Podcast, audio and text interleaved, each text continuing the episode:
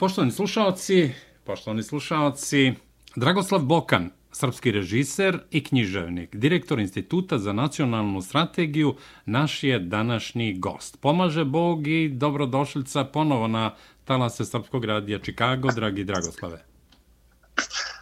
Bog pomogao, pozdrav svim e, našim slušalcima i posebno onima koji dobronamerno prilaze i sa radoznalošću u ovim našim razgovorima. Naravno, moram da vam kažem da imate veliku podršku i slušalaca i ljudi koji i, i ne samo što slušaju radio, nego posle i čuju, pa onda na neki način ovaj, odu na naš uh, YouTube kanal koji je na neki način, opet moram tako da kažem, limitiran. Ranije ste imali na našem YouTube kanalu od 8 do 10 hiljada pregleda, sad je to negde hiljadu, hiljadu petsto, hiljadu šesto, ne više. Od momenta kad smo počeli da a, puštamo, da kažemo, Donalda Trumpa, odnosno njegovu predsjedničku kampanju, Richarda Grenela, da. Srbi za Trumpa, od tog momenta su nam a, brojevi naglo pali. Tako da u svakom slučaju a, vrlo je važno da vas ljudi čuju na, u našem direktnom programu. Tako da u svakom pa to je, slučaju ovo veliko interesovanje. Ovo je glas iz, glas iz otrđbine, tako da. Tako je. Dragoslave, na veliki praznik srpskog naroda, Svetog Savu, otkriven je monumentalni veličanstveni spomenik Stefanu Nemanji, utemeljivaču srpske države i rodonačelniku dinastije Nemanjića. Takozvani drugosrbijanci ili drugo, ja to kažem, drugo bagra po meni, moram to, negde mora čovjek da bude vrlo radikalan, saopštavaju da je spomenik ruglo, sramota, da je spomenik bahatosti vlasti Aleksandra Vučića i da ga treba izmestiti ili srušiti. Da li će spomenik Stefanu Nemanji, po vama, biti samo simbol Beograda ili je spomenik Stefanu Nemanji nešto više i veličanstvenije? Izvolite. Pa već po reakciji naših neprijatelja, neprijatelja srpstva, možete uvijek da ocenite koliko je nešto važno.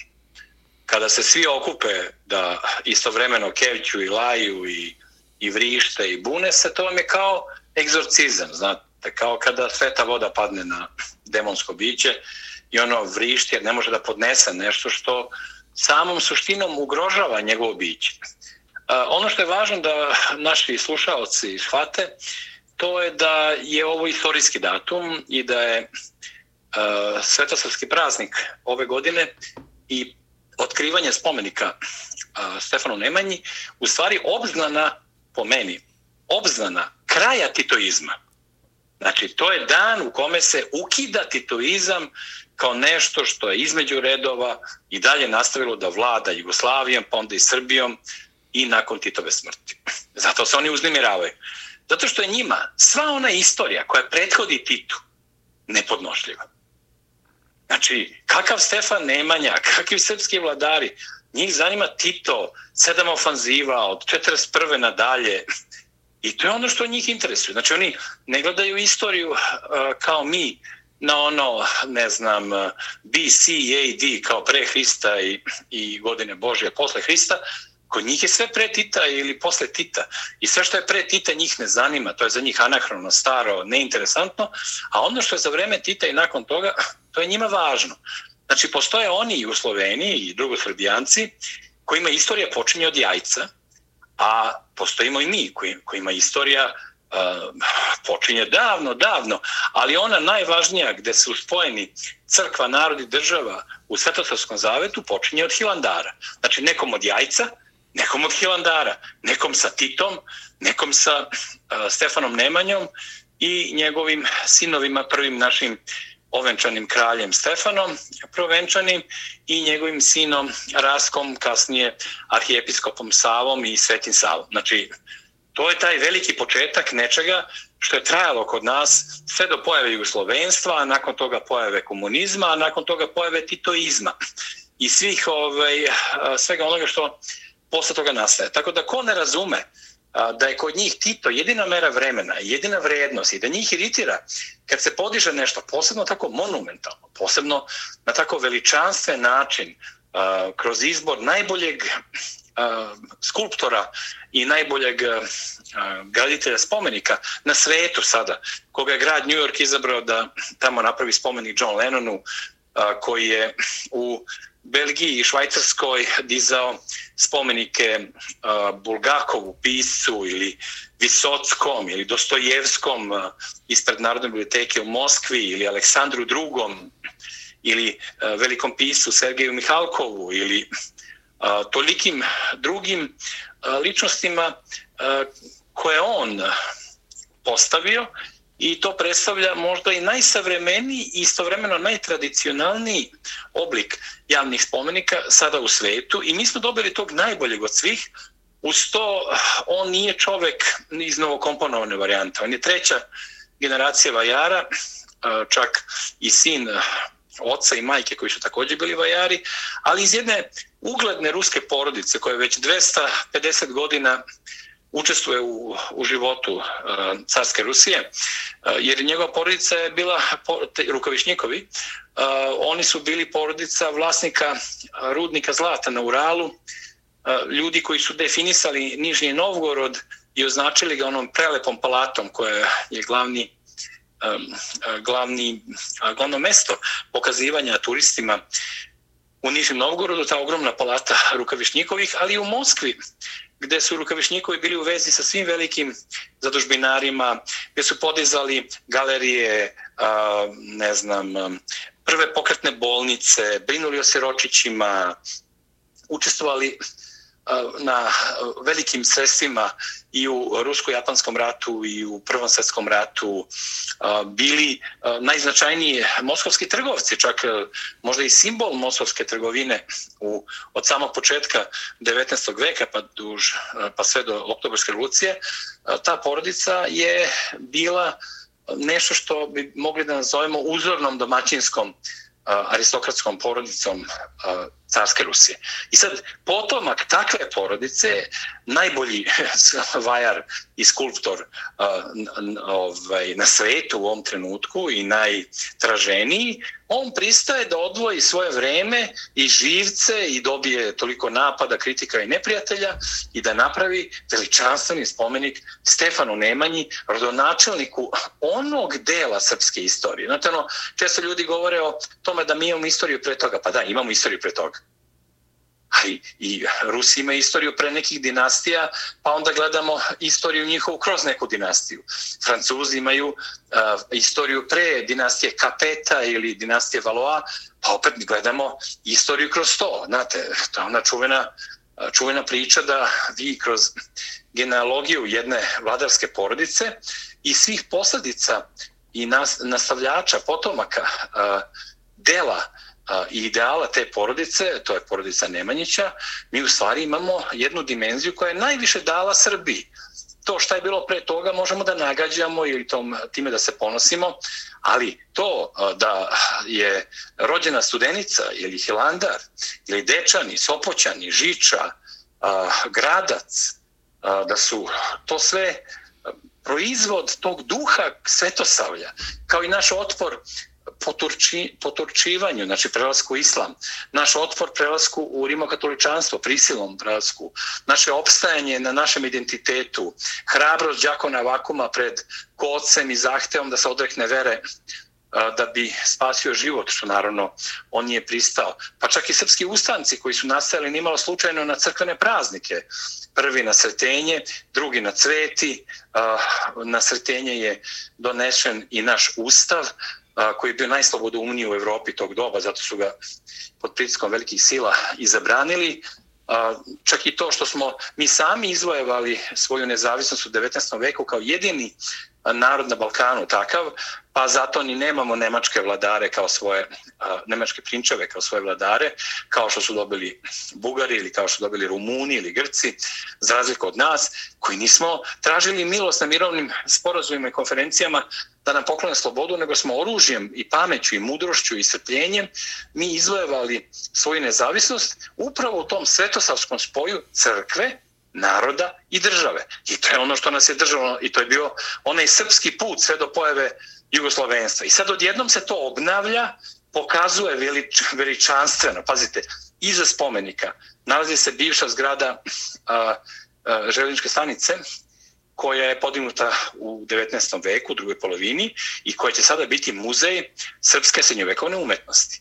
Sa strane je velika zgrada pošte koja će biti obnovljena na način na koji je projektovao veliki srpski arhitekta, ali i borac iz Prvog svjetskog rata, Momir Korunović, uh, sa onim divnim ornamentima, tu će biti istorijski muzej.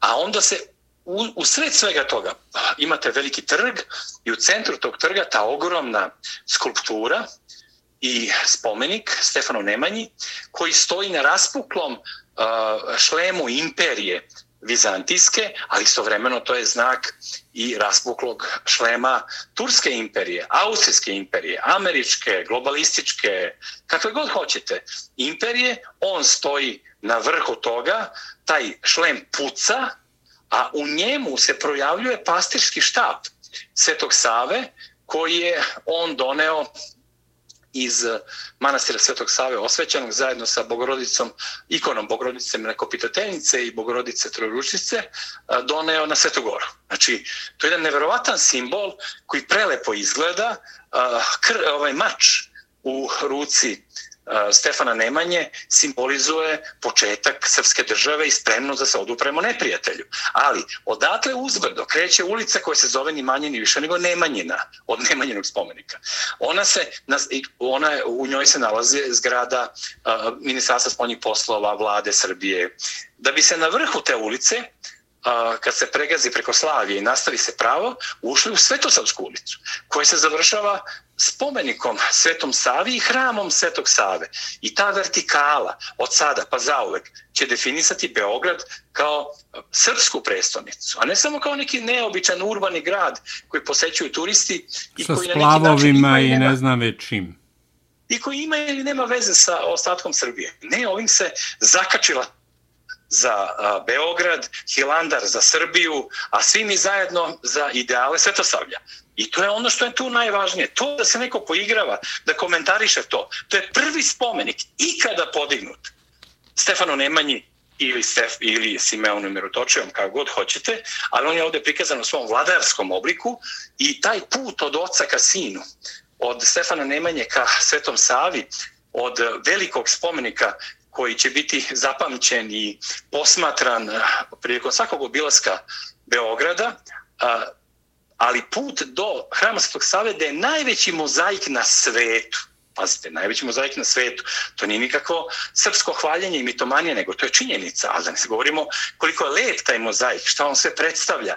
Mi imamo eh, novu svetu Sofiju, u sred Srbije i Balkana, koja kao da zamenjuje istorijski misiju one svete Sofije koja je nedavno opet pretvorena u džamiju odlukom Erdogana. I sve se nekako dešava sinhrono po Božoj volji i Božjem dopuštenju, a mi smo imali sreću da doživimo taj trenutak da Beograd prestaje da bude Titov grad, prestaje da bude titoistički centar svih mogućih službi, antisrpskih, uh, grad ismevanja Srbije i svega otačbinskog i postaje pravi veliki grad, onaj koji je osnovao uh, Dragutin Nemanjić, a despot, sveti despot Stefan Lazarević ga posvetio Bogorodici presvetoj Bogorodici kao jedan od samo nekoliko gradova u svetu koji su posvećeni njoj. Znači, to je jedna velika nova priča gdje ćemo moći da vaspitavamo svoju decu, da dovodimo svoje prijatelje i da to postane centar Beograda. Ne Beograđanka, ona crna, besmislena zgrada koja se raspala i koja inako nema više nikakvu funkciju jer je čak i onaj, onaj deo robne kuće tamo praktično de, e, devalviran i uh, izgleda uh, razrušeno. Znači,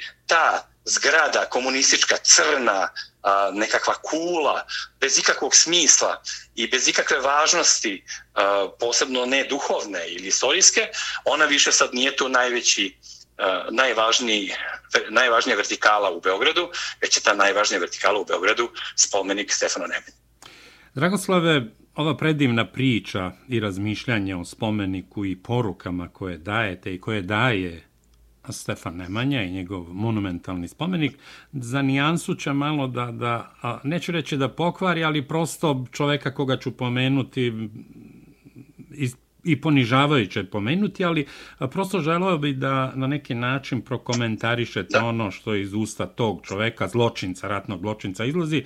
Naime, svedoci smo bez obrazluka pretećih i provokativnih izjava ratnog zločinca Ramuša Haradinaja koji kaže danas ponovo Ako se ne uklone prepreke za članstvo takozvane države Kosovo u NATO, ukoliko pet država Evropske unije ne priznaju takozvanu državu Kosovo, također i Srbija, onda ćemo mi pokrenuti referendum o ujedinjenju sa Albanijom do 2024. godine.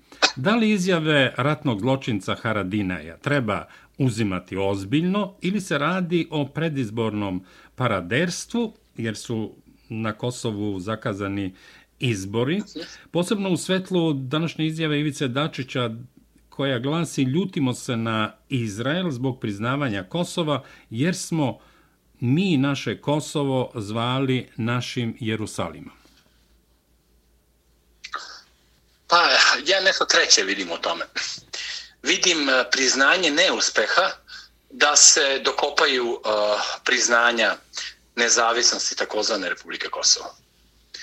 Pošto nisu uspeli svim silama i čak pet evropskih zemalja iz Evropske unije odbija da prizna, pored svih pritisaka, tu njihovu lažnu državu, pošto definisani kao razbojnička država, pošto se otkrilo sve oko zločina, pošto sada ljudi slušaju uh, kroz ono što se dešava u Hagu, šta su sve radili uh, njihovi politički lideri koji su nekada bili vojni vođe, vojne vođe terorističke organizacije uh, UČK, oni, vidjevši da stvari ne idu po njihovom scenariju, bez obzira na sve političke promjene u svetu, oni priznaju tom pričom o novom planu ujedinjenja sa Albanijom, u neku veliku Albaniju, oni priznaju da je njihov projekat propao. To je ono što je suština te priče. A da ne govorimo da onda time ukidaju i sva ona priznanja koje su do sada dobili, jer ta nova forma nju do sada nije niti će priznati ni jedna zemlja, a da ne govorimo da to da je onda pravo i Rusiji i Kini, ali i Americi, Evropi i drugim zemljama, da ih blokiraju u tome. Znate, tako da oni odustaju, znate ono, uh, i od um, ovaj, vrapca u ruci, odustaju traže goluba na grani, a izgubit će jedno i drugo, jer će odlepršati i vrabac i golub će odlepršati pred istinom koja postaje sve vidljivija i pred novom snagom Srbije i srpskog sveta i čitavog tog otažbenskog prostora, ali i pretvaranjem planete u jedan multipolarni sistem u kome nema više gospodara iz jedne tačke, iz jedne kasarne, iz jednog grada, nego se ponovo pojavljuje a, suvereni svet razvojen na nacionalne suverene države, koje sve imaju svoje razloge, argumente, istoriju, volju i odluke. Tako da sa te strane, to što Hardine priča, on samo svedoči o propasti plana koji su pokušavali svim silama, novcem, ubeđivanjem, služenjem antisrpskim operacijama kao verne sluge svakog napada na Srbiju, oni su pokušali sve što su mogli i nisu uspeli.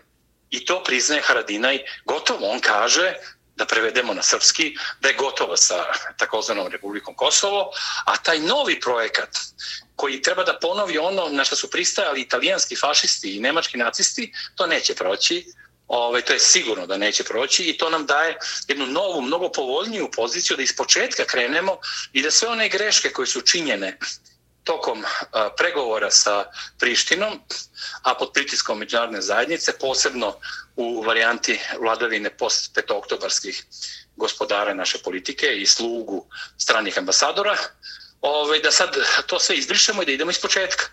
Da se definitivno usmerimo kao ujedinjenim nacijama, a ne pre, na, prema Europskoj uniji i da učestvuje u tome mnogo više zemalja nego do sada sa E, idejom da su sami šiptari odustali od svog plana. Da. Dragoslave, u nastavku voleo bih da razmišljate o vulgarizaciji javne, odnosno medijske scene u Srbiji. Naime, jučerašnji skandal u emisiji Čirilica Milomira Marića, u kojoj ste učestvovali vi, Vojislav Šešelj, predsjednik Srpske radikalne stranke, predsjednik liberalne partije, mislim da se tako zove, Čedomir Čeda. Liberalno-demokratske. Liberalno-demokratske, da, Čedomir Čeda Jovanović i eminentni profesor doktor Branislav Nestorović. Posle Branimir konsul... Nestorović. Branimir, dobro, izvinjavam da, se, ali dobro. isto, Branislav Branimir, važno je da je ovaj Nestorović.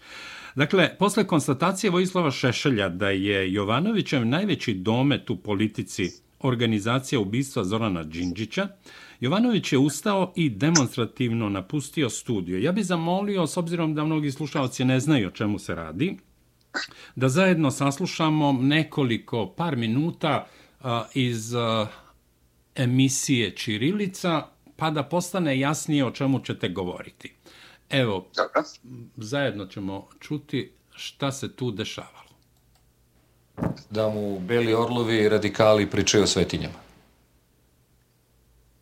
E, ali... I bezgrešno... bezgrešno ali Šeda je isto... Ne, nego će Zemunski klan da ga brani od Belih Orlova i od radikala. Ako već govorimo tim rečnikom. Mi rečnik možemo da postavimo po modelu koji bilo ko od nas kaže. Ako on pominje nas kao Bele Orlovi radikale u neku ruku i ponos, odbrane srpskih naroda od napada Njemu u građanskom ratu. ne govoriš. Ja uvijek Kad si ti gumeo Bele Orlove, Čeda je bio komandos uh, koji je branio tu zemlju. Pa naravno. E. Pa to su ti, Evo, to su ti, Mariću, to su ti srpske, to su ti srpske vojvode. Ali, ali ti si šutiraju, ti ovde, Mariću. Šutiraju žene, šutiraju Prvo. žene u centru grada u Maršu za mir. Jel tako? One žene a onda, rekete, onda, onda, onda, onda, onda, onda, onda budu reketaši po Novom Sadu. A četiri puta onda. Onda, onda, onda, onda, onda. Da li je to e, problem? To je nepismenosti, nepismenosti ili neki drugi stvari? Narkomanije, pa ti kažem, narkomanije. E, to ja nisam rekao. To, e, to nisi, pa ti vidiš ovu jednu stvar. Vi meni ne možete ništa da kažete. Pa kako ne možete? Ali, pošto, ali, pa- ali, ali definitivno ne možete ni da, ni, da, ni da tražite od mene da ja ovde u emisiji slušam tu vašu, tu vašu tlapnju o svetinjama. Hoćete napustiti emisiju? Kakve sve? Pa naravno da neću zbog tebe da napustim emisiju. Nisam ni Srbiju napustio zbog tebe nego sam vas sve pobedio. Veličan, veličanstvena pobjeda, veličanstvena vel, pobjeda. Naravno da je veličanstvena. Naravno da je veličanstvena. Mladiću. Da, da, po broju napuštenih Čeda Jovanović je iz takvog miljeja. Izrazili o Čeda Najuglednije ličnosti u njegovoj partiji. Bili su Jovo Kapičić, komadant Golog otoka i Latinka Perović. I to, to je njegov duhovni veoma, svet. Veoma, veoma, veoma, meni veoma drage ličnosti. Jedna je, jedna, nažalost, i ovaj je umro. Naciju si ništa da mi govoriš. za kratko vreme dva puta. Ne možeš ništa da mi govoriš. Nacija je očekivala da će odapeti u bolnici od korone dva puta. Evo, to je slika od tebe. Ali govoriš, šta, šta govoriš o čoveku. Ti si bio usmeni borac, a dok je Čeda se zaista borio na front. Pismeno se borio. Ne, on je bio pomorski komandus i Mića, najveći... Ne, bio je komandant podmornice. Najveći instruktor Mariću, koji je stvorio... Mariću, Mariću, ajde da razgovaramo pos, uh, ozbiljno, pusti e, ovoga ajde čovjeka. Ajde vi posle emisije razgovarajte ozbiljno, znači, jer ti si u emisiju ovde sa uglednim intelektualcima doveo agenta jedne strane države. Kakve strane države? On je specijalni savjetnik Željka Komšića. I ovde protežira njegove političke interese u Srbiji a Željko Komšić je izrazito antisrpski orijentisan. Umjesto da od njega tražiš da dokaže da je te prihode kao specijalni savjetnik prijavio našim porezskim organima i da svake godine plaća porez na to, ti ga dovodiš da ovdje razgovara kao intelektualac. Ne može da strani agent biti intelektualac. Može samo domaći izdajnik. On je ovdje po zadatku. Čekaj, on, ko je domaći izdajnik? Pa kako? A kad pominjemo, pa čekaj, demonstrirao, reke... demonstrirao je Trumpovi majicama, tražio od Busha da, ga tražio od Busha da ga mobiliše u ratu protiv Sadama. Od ja Sadama, danas... od Sadama uzeo naftu i završio, završio kao, kao, kao e, potrčko ruskog, ruskog ambasadora ovdje u Beogradu. Ti ćeš tek da završiš. A ne, on, on pokušava, uh, Čedomir Jovanović, pokušava, ti objasni, opet pokušava da... Pa Prevedi ovo što je Šešelj rekao. Jeste, ti ćeš Basaru i mene, Čedomir ti ćeš Basaru i mene da objasniš, objasni sebe čoveče svoj život, Jovanović, ostavi na miru jednog i drugog. Pa za razliku od mene, ti zaista koristiš reket i za to ti se sudi trenutno. E. I to nad nemoćnim čovekom e. koga iz ko zna kakvih razloga biješ, pa gledali smo snima, gledali smo snima. Nemoćna trojica i treba da. To nije DB organizovao, to se sam organizovao. Treba da, i treba da gledaš, svako treba da gleda, kogod pomisli, kogod pomisli da moju porodicu može, kogod pomisli da moju porodicu može da gazi, treba da zna dok dišem.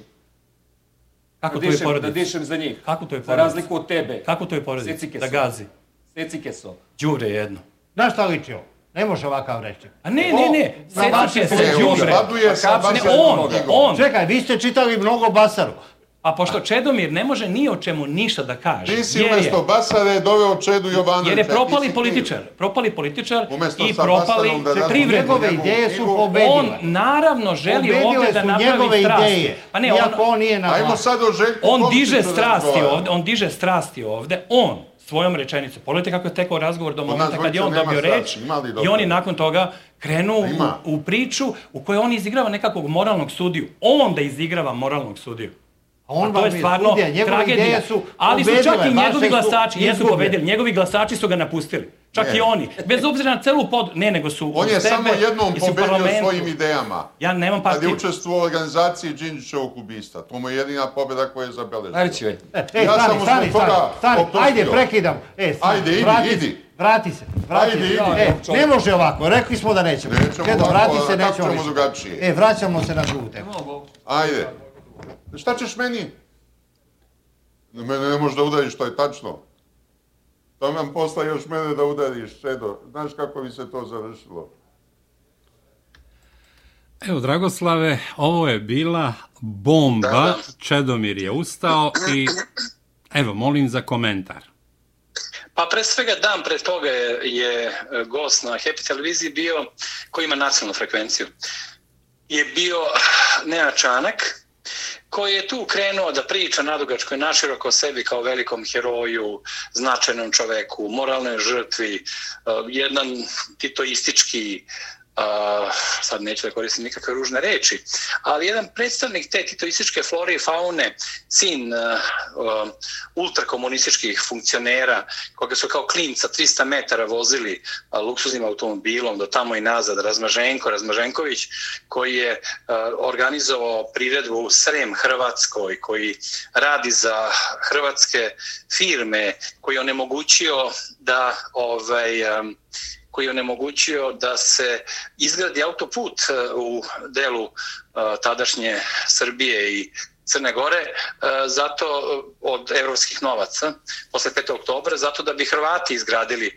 svoj put pošto je bilo ili njihov put ili naš autoput novcem evropskim on je uspao da to blokira kao predsednik Skupštine Vojvodine tada čovjek koji optužuje naše nesrećne izbegle i oterane um, mučenike iz krajine, optužuju ih da su upali u Vojvodinu, okupirali pitome Vojvođane koje on to bože brani.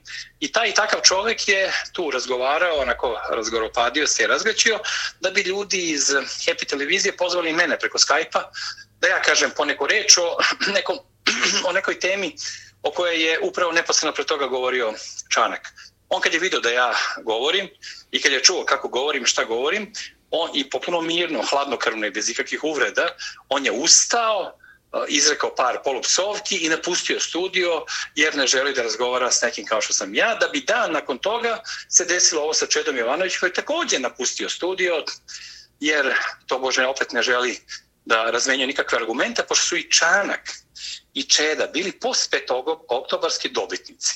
Ljudi na funkcijama, ljudi koji su baratali milionima, ljudi koji su odlučivali ko će biti hapšen u sablji, ko će biti za šta optuživan, ljudi koji su nametnuli taj antisrpski narativ u našim medijima, ljudi koji su družili, dokazano družili sa Zemunskim klanom, sa čuvenim narkodilerom iz Novog Sada, Nenadom Opačićem koji je najbolji prijatelj Čankov i tako. I sad ti takvi ljudi ne mogu da podnesu pomisao da uopšte treba da razgovaraju sa nekim kao ja koji je bio progonjen u vreme njihove post oktobarske okupacije i vlasti, ali bio progonjen i pre toga za vreme Miloševićevog režima. I on njima je nejasno da neko se pojavljuje uh, po njima iz mrtvih i u ime naroda, ne u ime neke partije, govori o važnim stvarima za srpstvo i za otažbinu i oni prosto podivljaju kao oni kojima smeta spomenik Stefano Nemanje, o čemu smo govorili, tako isto i Čanku i Čedi smeta prisustvo ljudi koji se bezuslovno ne slažu sa njima, na evropskom putu, kako oni kažu, koji treba da budu u stvari odricanje svega srpskog, a i Kosova. Jer i Čeda Jovanović, da podsjetimo, i Nena Čanak smatraju da je Kosovo šiptarsko. Jedna od stvari kojih odlikuju sve druge osobine. Tako da ta dva izlaska iz studija, to je napuštenje ringa, kako bi to rekli, da je ravnopravno možemo da razgovaramo. Pre tog isečka koji si pustio, bila je emisija koja je trajala neko vreme i govorila o dobitniku uh, ovog uh, najnovije Ninove nagrade. Da, Beseri, Beseri, nas, izvinjam se, Dragoslave, nas... ja sam mislio da govorimo posle, posle ne, ne. Govorit ćemo, nego samo da, da kažem, ne, neću A, da pričam sad o da, da, da. samo da kažem da je pre toga govoreno 20 minuta o tome, a kada je Čeda dobio reč, umjesto da nastavi da govori o temi o kojoj smo mi svi razmenili mišljenja, on je odmah krenuo žustro u napad tom floskulom neće nama beli orlovi i radikali da određuju šta ćemo da mislim, ne, nego će zemunski klan da određuje, što sam ja odmah odgovorio, znajući za njegove veze sa zemunskim klanom. On je donosio ove torte i bude, uh, eh, dovodio porodicu kod Dušana Spasojevića, vođe zemunskog klana, kad je bio zatvoren neposledno pred ubistva Zorana Đinđića. I svi znamo da između ostalog i čovek koji je ranjen kao telokranitelj Đinđićev je optuživao Begu Popovića i Čedu Jovanovića kao uh, učesnike u tom e, pravom, prave učesnike koji stoje iza likvidacije Zorana Đinđića. Tako da sa te strane Šešelj je to rekao iz tog konteksta nakon provokacije i napada Čedinog i onda je Čeda ustao i napustio studiju. I to je to. Napustio je studio, napustio je poprište, napustio je mogućnost razgovora sa nama i mogućnost je nam uzvrati i time pokazao da je praktično izašao iz političke istorije Srbije. Da, Dragoslave, um, izvinjavam se na malom prekidu, jer sam uh. hteo da osvetlimo lik i delo, ako je to delo Nenada Čanka, nakon jučerašnje emisije Čirilica. Jutro se jutarnjem programu televizije Happy kod Milomira Marića gostovao čuveni pod navodnicima Nenad Čanak, predsjednik Lige socijaldemokrata Vojvodine, mislim da dobro izgovaram, odnosno da je tačan naziv To su sve propale partije koje su izgubile glasače i nisu ušle ni u kakav parlament i koji više ne predstavljaju nikakav politički značaj, ni LDP Čedi, ni Liga socijaldemokrata ovaj, Vojvodine Čankovi, oni su izgubili podršku čak i onih svojih pristalica. Da. Tako da s te strane ne predstavljaju više nikoga i samo bukom, ljutnom i vređanjem mogu da, da ovaj, pokušaju sebi da vrate nekakav status i značaj. Da, bolje reći da se Čanak jutro svaljao u blatu uvreda i psovki, što je, rekao bih, nedopustivo za jednu televiziju sa nacionalnom frekvencijom, ali u Srbiji je a, sve reality, pa je dozvoljeno i to. On je vas i Šešelja nazvao, izvinjavam se pod navodnicima, sveć, smećem i pozvao i vas i Šešelja na dvoboj revolverima. Pored toga, on je i, i voditelju Milomiru Mariću rekao da je, da je, evo samo trenutak da citiram, da je i on pokvarenjak, da je, ne znam, da Bog mili sačuva, da ne ponavljam, prosto ovaj, taj čovjek što je izgovorio... Ne, ali nisi rekao najvažniji, izvini, nisi rekao najvažniji. Evo, evo, pa, ali nisam on završio. On je u toj emisiji, pa ne, on u toj emisiji, pa što važno je gledati tu emisiju celu da bi ljudi shvatili o čemu se radi. Da. Naziva Ratka Mladića smećem, Tako je. kukavicom. Radovana Rad, Karadžića. Pa ne, to je suština, nisam suština ja, Šešelj i Marić. Naravno, naravno, Radovana to sam htio da dodam, ali dobro, evo, izvolite. Radovana I, Karadžića naziva. I Radovana Karadžića, naravno smećem ali, naziva i kukavicom. kukavicom. Ima i nešto što je, rekao bih, i za policiju i procesuiranje. On je optužio vas i Šešelja da ste pokušali svojedobno da ga ubijete. Da ste pokušali da ga ubijete. Pa, evo, na molim čega? za... A na osnovu čega? Na ne znam, on je to izjavio jutro kod Marića. Dakle, a, a, voleo bi da ovo prokomentarišete, posebno ovaj dvoboj pištoljima i da se to jednom ne, ne, za uvek reši to je jedan cirkus. Znate, ono, ono što počinje kao tragedija, nastavlja se kao tragikomedija, a završava se kao cirkus. Tako je sa svim propalim političarima te petoktobarske fele. I tu eh, Čanak potpuno izbezumljen zato što je napustivši studio uh, u razgovoru sa mnom, uh, koji, nije, koji nisam razgovarao sa njim na način na koji smo razgovarali sa Čedom, uz uzajemna vređanja, nego potpuno mirno sam razgovarao i napustio studij. Onda, kad je shvatio da su to ljudi protumačili kao poraz, njegov, i vređali ga na društvenim mrežama sve u 16, on se vratio i potpuno izgubiši kontrolu nad sobom. Počeo da udara po stolu pesnicom i sve snage, da vređa prvo mene, pa Šešelja, pa Marića, pa onda Karadića, pa onda Mladića. Mladića pa onda nakon toga da vređa vladu Zorana Đinđića, pa da napada Bojana Kosaša iz demokratske stranke, pa da napada Velimira Ilića, pa da napada, pa sad redom, to on je krenuo u beskrajni spis a, a, spisak svih oni koji njega nerviraju i tako, a Marić je lukavo, pustivši ga da govori to što govori, da time pokaže ko je i kakav je, on je nakon toga njega polako uvodio u priči zašto je on a, a, organizovao veliku priredbu u Zagrebu a, pod nazivom Srem Hrvatskoj. Zašto je on a, bio lobista tvornice Duhana Rovinj, hrvatske firme, da otvori svoje ovaj, proizvodne pogone u Srbiji. Zašto je bio protiv davanja cementare Francuzima, nego išao opet ka nekoj voj, vojvođanerskoj priči i opet Hrvatima? Zašto je on takav uništio mogućnost, e, već dogovorenu mogućnost pravljenja autoputa još pre 15 godina, e, novcem Europske unije da bi Hrvati umjesto nas dobili taj novac i izgradili svoj autoput, da bi mi čekali taj koridor 10 sve do, sve do ovog vremena. Znači, Marić je polako njega uvlačio i ovaj je odgovarao na ta pitanja, otkrivajući da je to istina i da u svemu tome zaista postoje njegove kanđe i njegovo uplitanje. I to je u stvari suština te emisije. Suština te emisije da je on u besu pokazao da nema kontrolu, nema vaspitanje, a, nema šta da nam prigovori, ništa on ne zna o nama. On nas spominje kao neke, neke reči, kao Frankenstein, Dracula, tako je to, Bokan Šešelj ili ne znam, ono, Karadžić, Mladić. Znači, jedan katastrofalan lik a, koga je Marić tu vešto navlačio da sve više i više gubi strpljenje, da pokazuje to ko je zaista čovek koji je nekada bio prvi čovek Vojvodine, čovek koji je sin bivšeg gradonačelnika Novog Sada. I koji je 30 čovjek... godina na vlasti, izvinjavam se, to je vrlo važno da se kaže.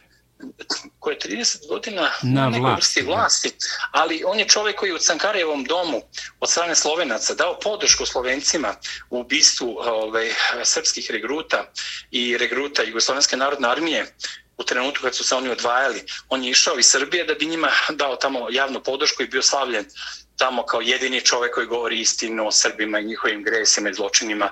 On je čovek koji je organizovao hiljade napada na sve Srbe koji su se borili za slobodu svog naroda i protiv okupacije Hrvatske i Bošnjačke, nikad ne, napada, ne napadajući, nikada ne napadajući bilo kog Ustašu ili bilo kog muđahedina ili bilo kog šiptarskog zločinca. On je ekskluzivno okrenut samo prema Srbima i svi Srbi su za njega kukavice, gnjide, smeće ili kako on to već koristi Uh, on je čuven po tome da je sa svojim obezbeđenjem, njih 5-6, prebio nekog čoveka koji je u nekoj kafani ovaj, video njega kako sa nekim devojčicama ovaj, maloletnim nešto ih drpa ili već šta radi, pa taj čovjek njima prigovorio zbog toga, pa onda njegovo obezbeđenje ustalo, isprebijelo tog čoveka, a onda ga je ovaj, Čanak udarao štapom po glavi i on je odgovarao na sudu koji ga je naravno pustio, jer on pripada onim zaštićenim ličnostima kojima niko ne može ništa. I sad on ne može da se navikne da u ovoj novoj priči ne može da nastavi tim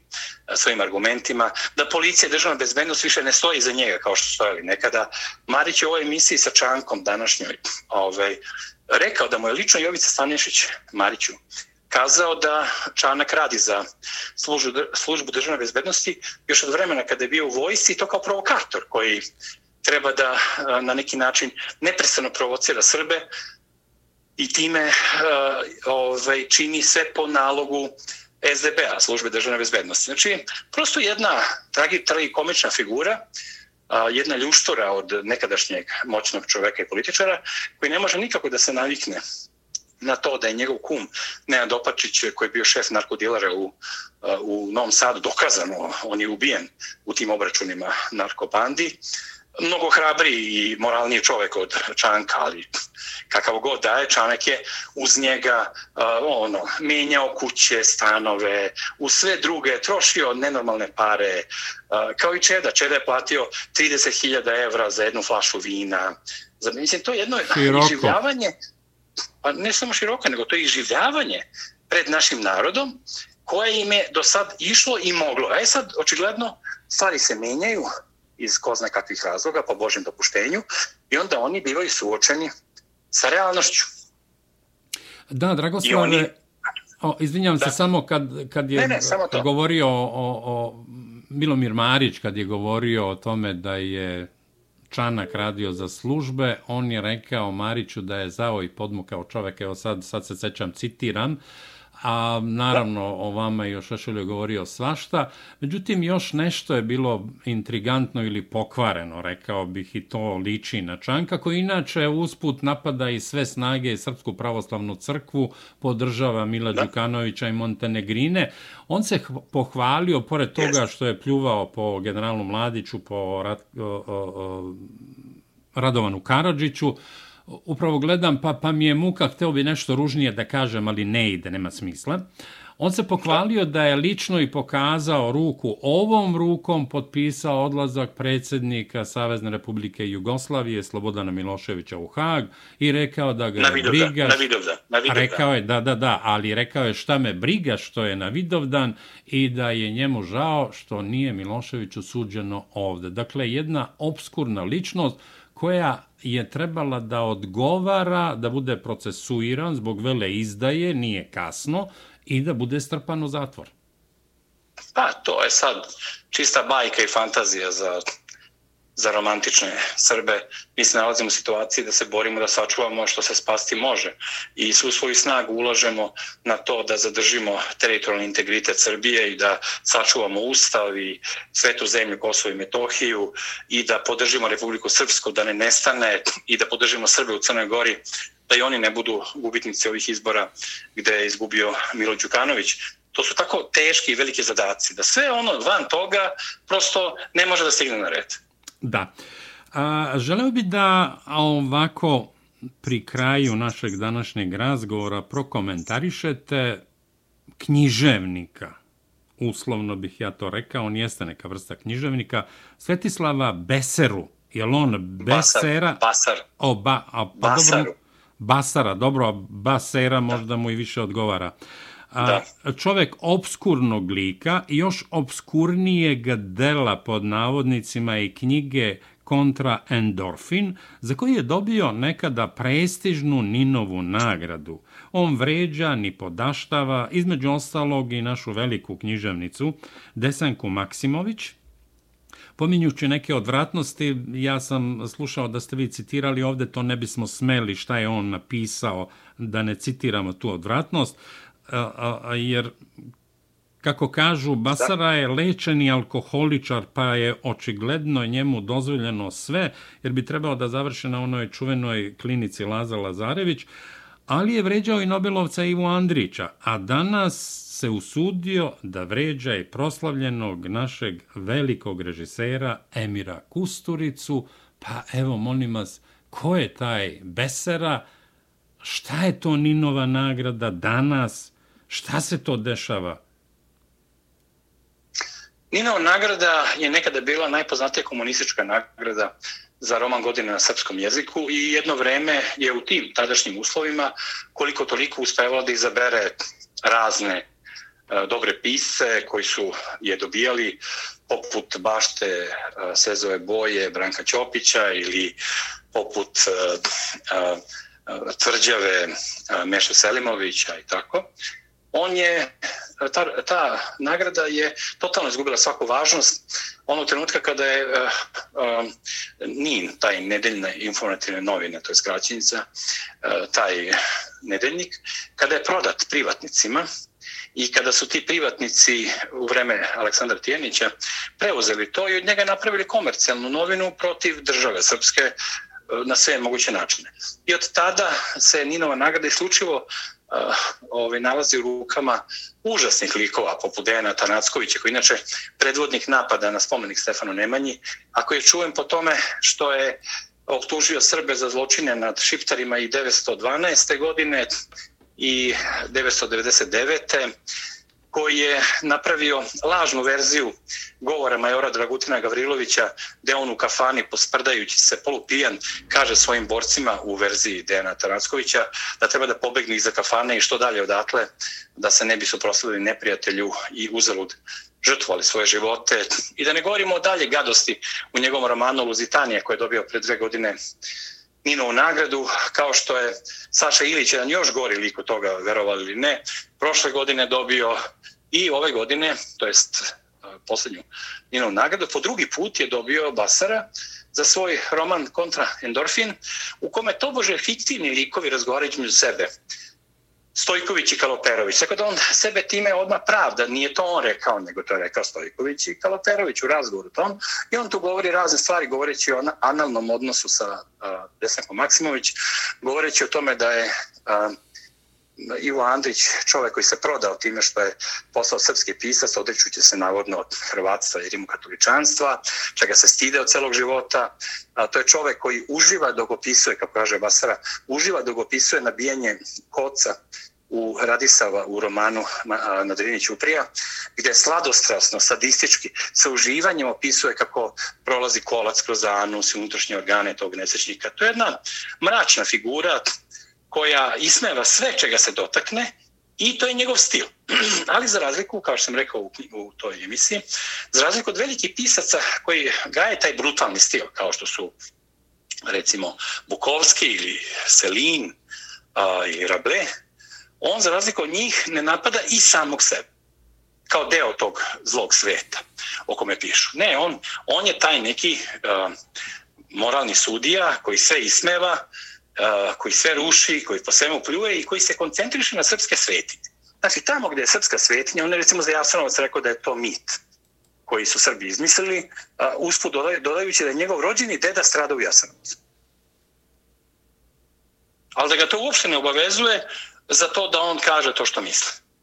Znači, to je jedna nenormalna figura, on je bio i ambasador, verovali ne na Kipru, dosta tog post 5. oktobarske vlasti, dosove, on je bio nekoliko godina ambasador na Kipru, takav čovjek, i koji je napisao gomilu romana u kojima na taj uličarski način, sa vešto korištenim ritmom, i on je vrlo pismen čovjek i nije neobrazovan, ali to sve stavio u službu antisrpstva, antipravoslavlja, borbe protiv svega sistemski vrednog što mi imamo i čemu se mi divimo i šta poštujemo.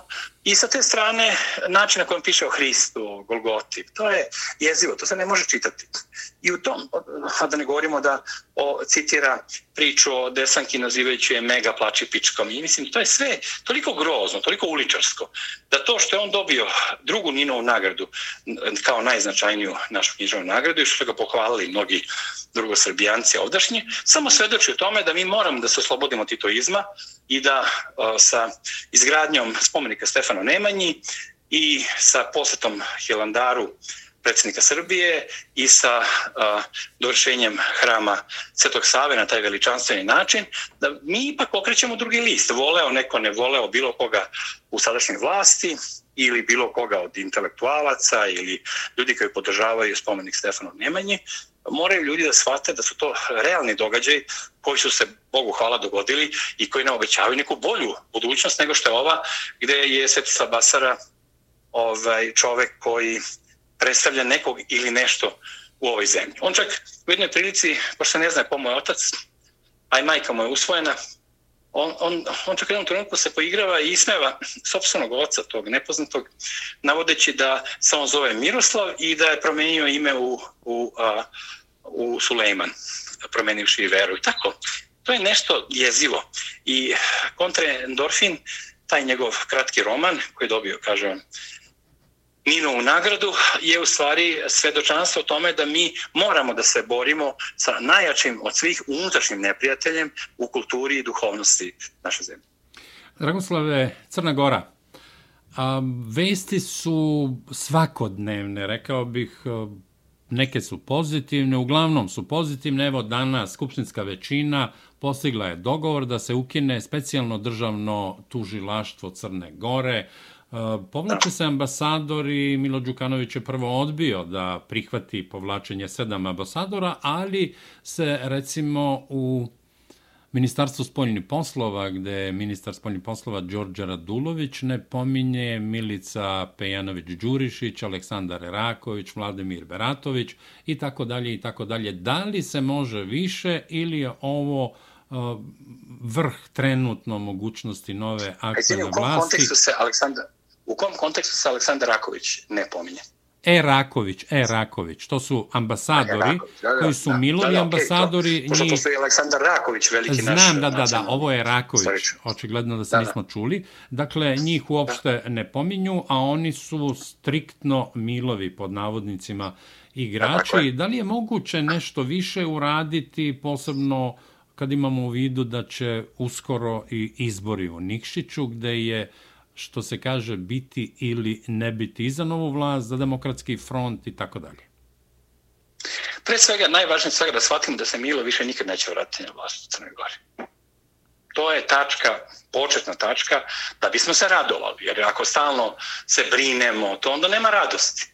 Tako je. Ono, pao je Hitler, ubio se Hitler, kapitulirao je Treći rajh, ali i dalje ima njegovih ljudi na nekim mestima, mnogi su se spasili odlasku u Ameriku. Pa da, ali Hitler je izvršeno ubistvo i Rajh je propao. Tako isto se dešava i u Crnoj Gori gde Milo Đukanović ostaje bez vlasti segment po segment. Zato što na vlast nisu došli a, udruženi Srbi sa drugim neprijateljima Mila Đukanovića i protivnicima, nisu došli revolucijom. Jer da su došli revolucijom na vlast, onda bi revolucionarno u roku 24 sata sve to o čemu govorimo, oni rešili, skinuli, napravili i krenuli dalje. Ali nisu, došli su na izborima. I oni moraju da se služe zakoni. Oni moraju prvo da promene zakon, da bi ga onda primenili na taj novi način. Oni moraju da promene tolike sudije, tužioce, policajce. E, uspeli su do sada promene e, kompletno rukovodstvo tajne policije, Milove. Eto sad i one koji su učestvovali preko javnog tužilaštva u mnogim procesima Milen, oni svakodnevno spaljuju dokumentaciju, jer oni se predaju, oni e, odlaze u prošlost. Oni ne čuvaju svoju dokumentaciju da bi se vratili na vlast. Oni znaju da je sve gotovo, ali pokušavaju da izbegnu zasluženu kaznu i da su Srbi pobedili sami na ovim izborima, one srpske orijentisane stranke a ne zajedno sa nesrpskim strankama koji su protiv Mila, pa sve to zajedno i srpske i nesrpske i one koje su demokratske, koje su anacionalne, sve zajedno imaju samo jednog poslanika više nego Milo. Da. Znači u takvoj klimavoj poziciji, to zna svaki student prve godine političkih nauka, ne možete da se ponašate kao da ste uh, sami dobili pobedu. Znači da su srpske stranke pobedili na ovim izborima, sve je drugačije bez obzira na pritiske međunarodne zajednice, bez obzira na pritiske stranih ambasada, bez obzira na sve ono što mora se suočava nova vlast. Nego sve mora da ide polako, nažalost, mnogo sporije nego što bi ljudi želeli, ali to je tako kako jeste i to je veliki napredak u odnosu na pre, u odnosu na, pazite, ova pobjeda od 30. augusta prošle godine, to je prva pobjeda, demokratska pobjeda, od 906. Od 1906. nikad nisu postali demokratski izbori, evo do prošle godine, na kojima je pobedila opozicija. Znači, nije to igranje, nije to jedna od mnogih smena vlasti, nego to je fundamentalna promjena koncepta gde sad se uh, dešava, da, u međunarodnim odnosima, spolnim poslovima, unutrašnjim poslovima, u borbi protiv korupcije, u borbi protiv uticaja Zagreba i Prištine, u borbi protiv eh, manipulacije raznim kriminalcima, u borbi protiv šverca, uh, droge, duana i ne znam što se znate vi kakav je to posao, a istovremeno to je država koja je već potpisala pripadništvo, pristupanje NATO paktu, uh, sankcije Rusiji, priznanje Kosova, rezoluciju o genocidu u Srebrenici i još mnogo šta drugo. Znači sad ova nova vlast ne može kaže puj pike ne važe. To su međunarodni ugovori. Ona, ona mora sada nađe načina kako da iz te faze pređe u stanje političke neutralnosti. To je ono što je njen cilj, a to ne može se izvede ni za mesec, ni za šest meseci, pa ni za nekoliko godina. Zato je u Nikšiću važno sa snage odmere, pre svega da bi vidjeli koliko će glasova imati Milo. To je ono što je suština. Znači, Miro, Milo Đukanović treba da se a, zgazi zajedno sa TPS-om na izborima u Nikšiću demokratskim načinima i sredstvima, jer za razliku od ranije, više Milo nema odrešene ruke da laže prebrojavanje, da ubacuje mrtve glasače nepostojeće, da kupuje glasove onako lako kao što je to radio ranije.